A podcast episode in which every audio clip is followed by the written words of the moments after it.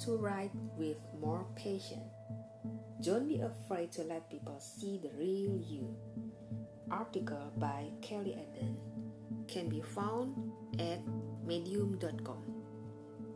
Write what you are passionate about.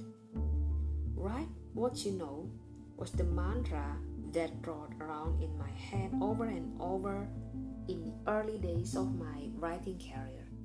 A lot of writers hear this and argue about it because it can really stunt creative writing, but it can also be a good starting point.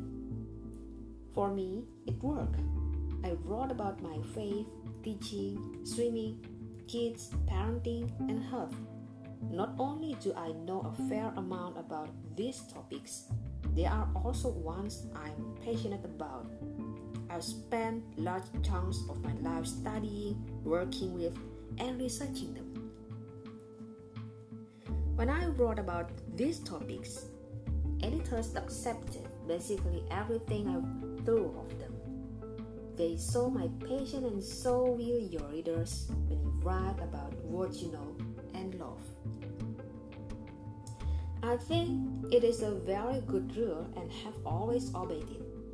Write about imaginary countries, alliance societies on other planets, dragons, wizards, the Napa Valley in 22002. I know these things. Ursula K. Le Guin, science fiction author. Even the most dual topics can become fascinating when written by someone who is passionate. I never thought I would find SEO interesting, but now I follow a blogger, Mike Pearson, who sends me weekly emails about it. As Mike says himself on his About page, he is obsessed with teaching bloggers how to grow their audience traffic and income with SEO. Mike Pearson, stupid simple is SEO. I read every single email of his because you simply can't help but catch his passion.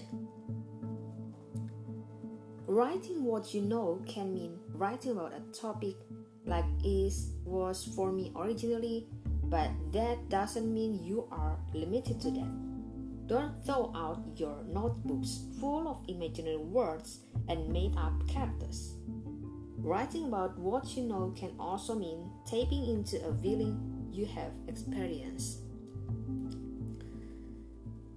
Think what is behind write what you know is emotion. Like, have you known happiness? Have you ever been truly sad? Have you ever longed for something? And that is the point, Nathan Englander, author. Get passionate about what you are writing about. If you are trying to make a living from your writing, like I do, then it can be useful financially to branch out of your field of expertise and write about a range of topics. Often, you will end up writing about things you know nothing about. I write for a number of business clients, business being a topic which I knew nothing about. Initially, I was dreading this type of work. I worried firstly that I wouldn't have a clue what to write about, and secondly, that it would bore me to death. Surprisingly, it has actually ended up being some of my favorite work, and this is why I got passionate about it. I asked questions, researched their companies, and got excited about the business courses they offer. When you persevere with a writing job that feels out of your expertise, try approaching it with openness and curiosity, and you might find yourself getting patient about it too. Patience and perseverance, it turns out, matter more than talent or intelligence when it comes to being successful. Linda Kaplan Thaler, advertiser, author. Learn what others are passionate about. When I am feeling uninspired with my writing, I find the best way to get out of a rut is to access someone else's passion. I read a book, listen to great music, watch a TED talk, ask a friend about their hobbies, or pop on a podcast. I also love to watch true stories about people pursuing their passions, especially through hardship. You might have seen the 2018 movies Green Book inspired by the classical and jazz pianist Don Shirley.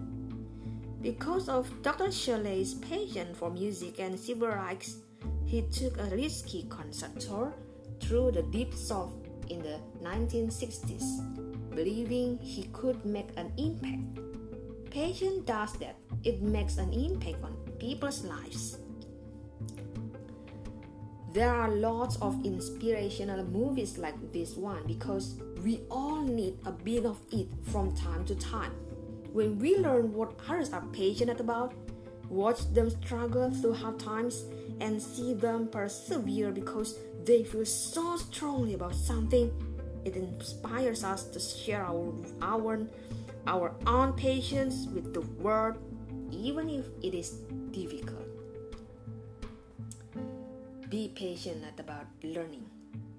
Learning is my number one passion. I am always hunting out knowledge, enrolling in open university courses, learning a language, or going to a live talk. If you are a writer, cultivating a love of learning will feed and boost your work in innumerable ways. If you can learn, you can write about anything. When I was a kid, I remember people buying those huge encyclopedia sets. My family had a few second-hand ones and some medical ones from my parents' nursing training. But our wealthier friends, they had whole bookcases full of these massive tomes. I was so jealous. It seemed like the whole world was in those books. But now that we have the internet, the whole world really is available to us and anything we want to know. So, for a young author who says, I don't know what to write about, I would say, What have you always wanted to know about? Go learn about it. If you want to know about it, probably someone else wants to know about it. And let your learning process be the catalyst for you to take other people on your learning process through your novel. Dan Brown, author. Don't be afraid to let people see the real you. When you write with passion about the things you enjoy, the words you create, the people you love, the ones that break your heart, and the ones that manage you make yourself vulnerable. But we all know now, thanks to Dan Brown, that vulnerability is good, right? Still, it is scary to be vulnerable. Fear stops us being real in our writing. The fear of rejection is much more powerful when we are actually writing about things we care about.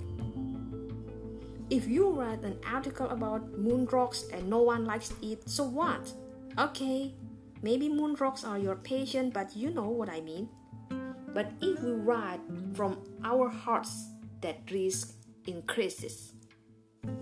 When I wrote a personal story on Medium called The Queasy, You Didn't Make Me, I spent days considering whether I should publish. It went too raw. The story expressed the pain and anger I was feeling about losing friends after my divorce, and I knew people might judge it. But I also hoped they would relate. They did. When you are vulnerable and write about what really matters to you, people notice. They are impacted. They relate because there are others out there feeling just as passionate about the topic as you are. Writing isn't about making money, getting famous, getting dates, getting late, or making friends. In the end, it is about enriching the lives of those who will read your work and enriching your own life as well. Stephen King. So, next time you sit down at your laptop, whether you write what you know or learn what you don't, do it fully, vulnerably, and with patience. Thanks for listening. I am Emilia Xiao. See you. Bye.